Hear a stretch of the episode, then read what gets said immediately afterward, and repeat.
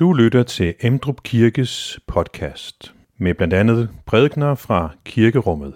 Du kan læse mere om Emdrup Kirke på emdrupkirke.dk.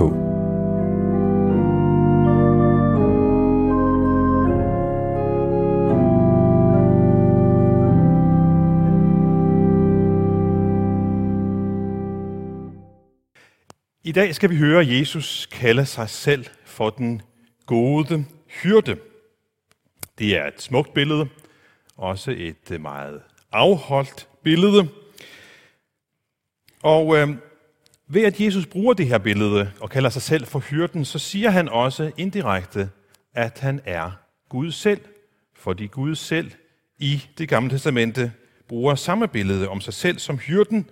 Det skal vi også høre fra GT-læsningen fra Ezekiel i dag. Det her hyrdebillede, det er et dejligt billede, men det rummer samtidig også nogle udfordringer for os. For eksempel, at vi ikke gør det til et glansbillede. Eller udfordringen med, har vi lyst til at være et får?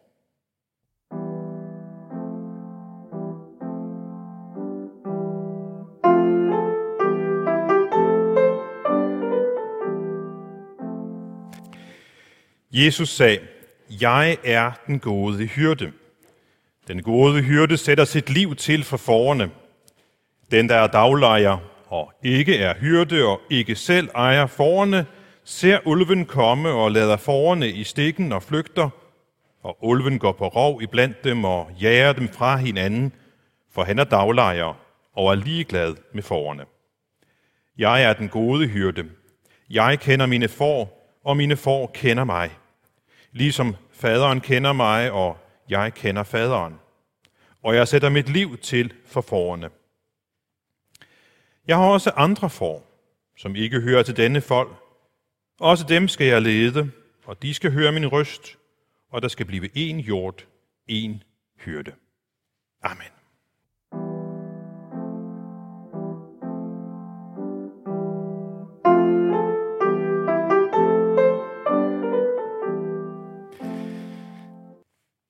Det her billede, som I kan se, det er taget fra et bjerg ned over min egen hjemby. Jeg sidder på en sten, og det er min far, der står og kigger ud over landsbyen. Bygden, som de hedder på færøsk. Og øh, min far, han har nogle får. Det er ikke på det her bjerg, men et bjerg, der ligger en smule herfra. Det bjerg er der rigtig mange får på. Nogle er min fars, og nogle er de fleste er andres. Og, øh, men min far kender sine får. Og jeg kan huske, at jeg flere gange som barn og ung har været sammen med ham for at se til forerne. Nogle gange så kørte vi bare langs de her bjerge, og så kunne han kigge op og sådan, nej, jamen det, nå ja, der ligger hun foråret der, og sammen med sine larme og sådan noget. Det så ud til at have det fint nok. Og øh, andre gange så skulle vi op ad bjergsiden, jeg, jeg foretrækker, når vi bare var i bilen, men andre gange så skulle vi op ad bjergsiden for at se til disse form. Og hvis vi ikke kunne se dem fra bilen, og heller ikke med en kikkert, så vidste han altid, hvor på bjergsiden det kunne betale sig at lede efter forerne. For han kendte, og han kender sine får. Og jeg kan huske, at vi også nogle snefyldte vinterdage har været ude for at lede efter dem, for at se, om de var faldet ned i en grøft og var blevet sneet inde og, og så videre. De skulle jo nødig komme noget til. For mig er det et billede, som hjælper mig lidt til at forstå, når Jesus siger, at han kender sine får. At han kender sine får og vil gøre alt for at beskytte dem. Det med at kende, det kan jo have forskellig betydning og for, øh, den her kende-relation. Når Jesus siger, at han kender sine får, så mener han ikke bare, ligesom de fleste af os herinde, kender hinanden til, i en vis udstrækning. Nej, når han siger kende, så er der en, en, en dyb og en, en fyldig måde, han mener det. Dem, som Jesus kender, har han en tæt forbindelse til. De er knyttet til ham i tro og tillid. Han bor i deres hjerter. Han præger deres liv. Så den her kendskabsrelation, den er meget, meget tæt. Jeg kender mine får. Jesus han laver faktisk også en sammenligning med, hvordan faderen og sønnen kender hinanden. Billedet med Jesus som hyrden er velkendt, er afholdt af mange mennesker. Måske er det især i de kulturer, hvor netop hyrde og for og sådan noget betyder meget. Nu kommer jeg fra sådan en kultur, og hvis man kigger i den færøske salmebog for eksempel, så ser man masser af salmer, hvor, hvor det her hyrdemotiv, jeg tror det er endnu flere end i den danske salmebog. Dejligt billede. Og så rummer det også nogle udfordringer for os. Den ene udfordring, det er, har jeg lyst til at blive betragtet som et får?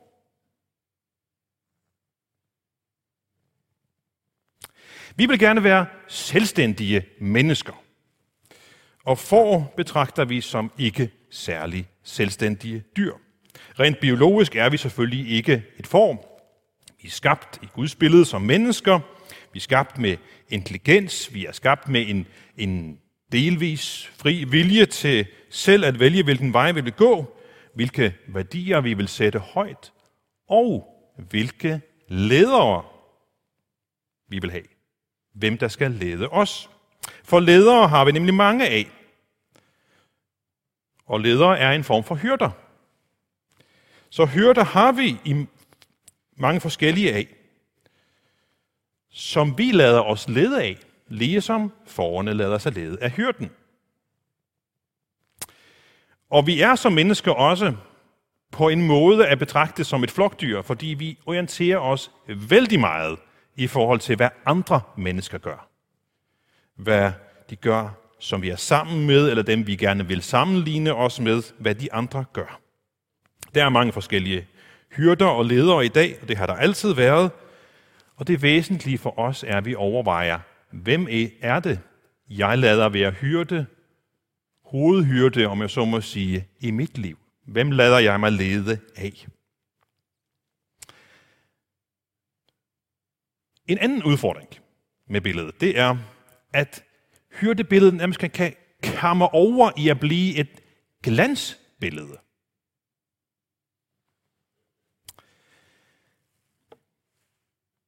Prøv lige at se på forskellen på det hyrdebillede, vi kan se nu på skærmen.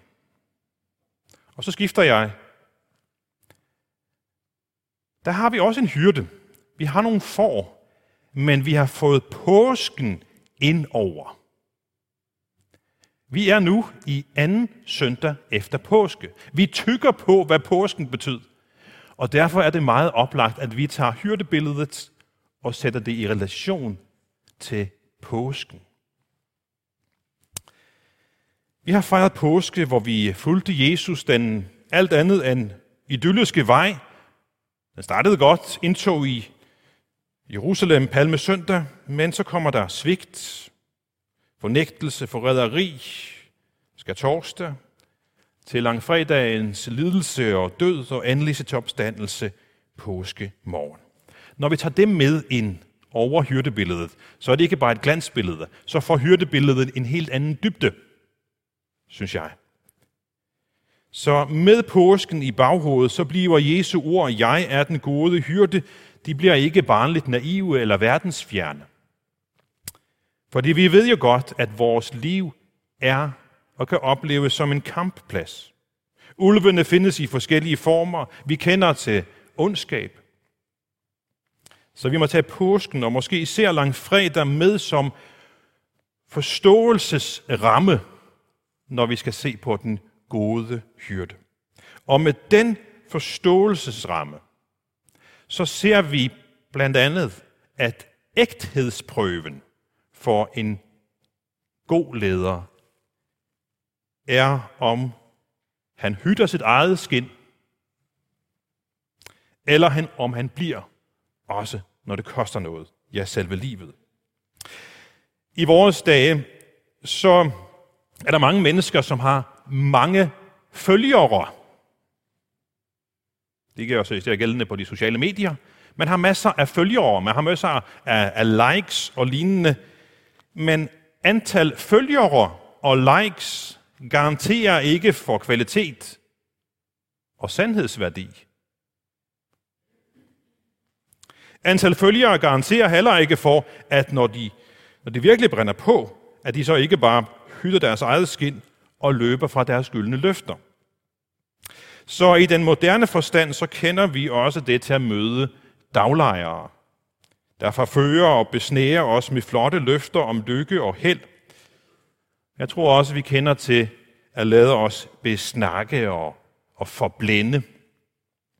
Jesus, han vil ikke besnakke os og forblænde os og hytte sit eget skin, når det brænder på. Nej, han er den ægte, gode hyrde, som giver sit liv for vores skyld. Og det var det ene, som den her langfredags forståelsesramme bragte med os. Men lad os se hyrden inden for den her ramme. Der er en anden ting, som rammen også viser os. Og det er, at Jesus ikke er en hemmelig trylleformular, som bare fjerner det hele, alt det onde i vores liv. Det vil være et glansbillede af hyrden. Det er heller ikke det, som Jesus siger. Når han siger, at han er den gode hyrde, så tegner han ikke bare et, sådan et hyggeligt billede af en blomstereng med dejlig solskin og nogle kridhvide lam, der hygger sig med at gå langs en bæk. Når Jesus siger, at han er den gode hyrde, så er det ikke et løfte om, at vi skal få et sorgløst og fuldstændig problemløst liv. Nej, det handler om en tro på og en tillid til, at Gud er med os, som han har vist os gennem sin søn, Jesus Kristus. At han er med os, også når livet gør ondt. Også når vi er ved kanten af livet. Jesu ord, jeg er den gode hyrde, de lyder ind i vores liv, som vores liv er. Og hvordan er vores liv? Jo, det kan være smukt, det kan være stort, det kan være fantastisk, det kan være svimlende dejligt. Men det kan også være smertefuldt. Det kan være ensomt. Det kan være sorgfuldt, og det kan opleves, som det ikke er til at bære. Erfaringerne lyver ikke, og Jesus han strør ikke sukker på, hvad kalder sig den gode hyrde. I dag så siger han enkelt og stilfærdigt til os, jeg er den gode hyrde. Og så kommer rammen fra fredag, for min døds og påskedag med opstandelses skyld kan du ved tro på mig vide, at du er i gode hænder i livet og i døden. Amen. Find flere podcast og læs mere på emdrupkirke.dk